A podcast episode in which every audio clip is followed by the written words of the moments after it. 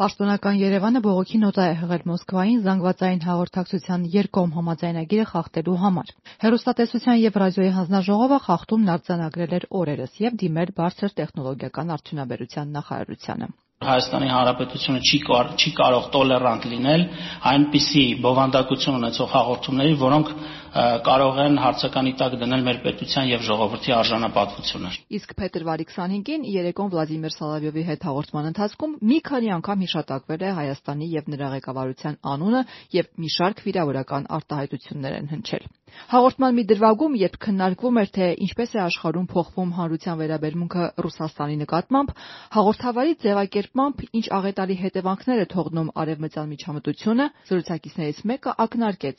լավ կլիներ Հայաստանի իշխանությունները մտածեին այս մասին։ Ապա Կրեմլի ամենահայտնի քարոզիչներ Վլադիմիր Սալավյովը եւ Մարգարիտա Սիմոնյանը պնդեցին. դեռ 2008-ին պետք է հարցը լուծվեր, եւ ոչ Հայաստանի, ոչ Վրաստանի հետ սահմաններ չէին լինի։ Не было бы никакой проблемы Армении, если бы Հայաստանի հետ ոչ մի խնդիր չէր լինի, եթե 2008-ին մենք չկանգնեինք։ Այ եթե մենք 2008-ին լուծեինք Վրաստանի խնդիրը, Ռուսաստանը ցամաքային սահման կունենար Հայաստանի հետ, իսկ կյանքը բոլորովին այլ կլիներ Հայաստանում։ Սահման ընդհանրապես չէր լինի ոչ Հայաստանի, ոչ Վրաստանի հետ, ինչը եւ պետք է լինի։ Ни с Грузией, ни с Арменией. Совершенно верно. Как и должно быть. Հաղորդման կեսից կրկին հիշում են Հայաստանին։ Սալավյովը Հայաստանի իշխանության հասցեին վիրավորական բառապաշար օգտագործելով ասում է.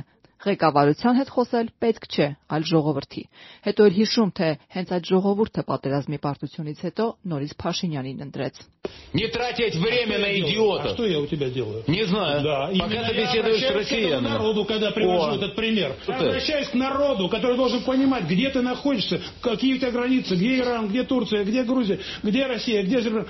Куда вы Народ суетесь? после, Какое Франция? народ после Где контактная группа? поражения за него Ну проголосовал. ладно. Նախարար Մխիթար Հայրապետյանը խորհրդարանում տեղեկացրեց, բողոքի նոտայից բացի մի նամակ էլ ինքն է ուղարկել իր ռուս գործընկերոջը, առաջարկելով անհապաղ խորհրդակցություն անցկացնել Երևանում կամ Մոսկվայում։ Հա, Միայն այն, որ երկու ամիս անց այդ օրինակ խախտումները կրկնվում են, հա, խոսում են այն մասին, որ Հայաստանի եւ Ռուսաստանի միջև գործող միջպետական համաձայնագիրը ամենայն հավանականությամբ լրամշակելու կամ խմբագրելու անհրաժեշտություն ունի։ Ռուսական ալիքների հետ կապված խնդիրը նոր չէ։ Հոկտեմբերի 23-ին էլ ռուսական քարոշչամեքենայի առաջատար առաջին ալիքների եթեր հերարցակել Հայաստանի վարչապետին մեղմ ասած քննադատող ծրագիր Նիկոլ Փաշինյան աղետ բերողը վերնագրով։ Դեկտեմբերին էլ տուգանվեց Սպուտնիկ Արմենիան։ Տարեվերջին նախարարությունը հաղորդեց, որ ռուսական կողմը ընդունել է երկկողմ համաձայնագրի խախտման փաստը։ Նախարարությունից այս պահին ավելին չեն ցանկանում հաղորդել։ Մի քանի օր կսպասեն ռուսական կողմի արձագանքին։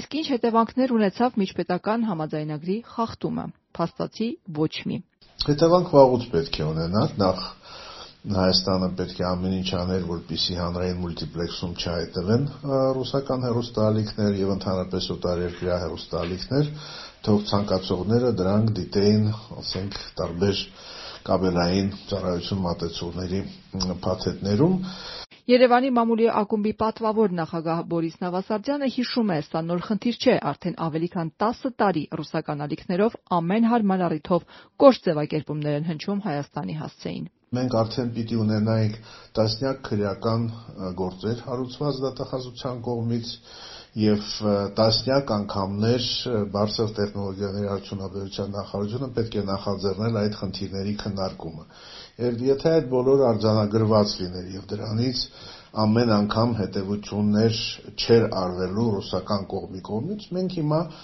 փաստորեն կունենայինք բոլոր հիմքերը այդ համաձայնագիրը չեղյալ համարել եւ ազատել տեղերը հայկական հերարցակողների համար հանրային մուլտիպլեքսում։ Եթե հիմա էլ համաձայնագիրն ամբողջությամբ չի չեղարկվում, ապա փորձագետի կարծիքով պետք է գոնե քաղաքական, տեղեկատվական, քարոզչական հաղորդումների հեռարձակումը դադարեցվի, քանի որ դրանք ամեն օր խախտում են Հայաստանի օրենքը, ոտնահարում Հայաստանի ինքնիշխանությունը, վիրավորում խորհրդանիշները, ինչը ոչ իրավական եւ ոչ էլ բարոյական դաշտում չի կարելի հանդուրժել։ Անուշ Մկրտչյան, Ազատություն ռադիոկայան, Երևան։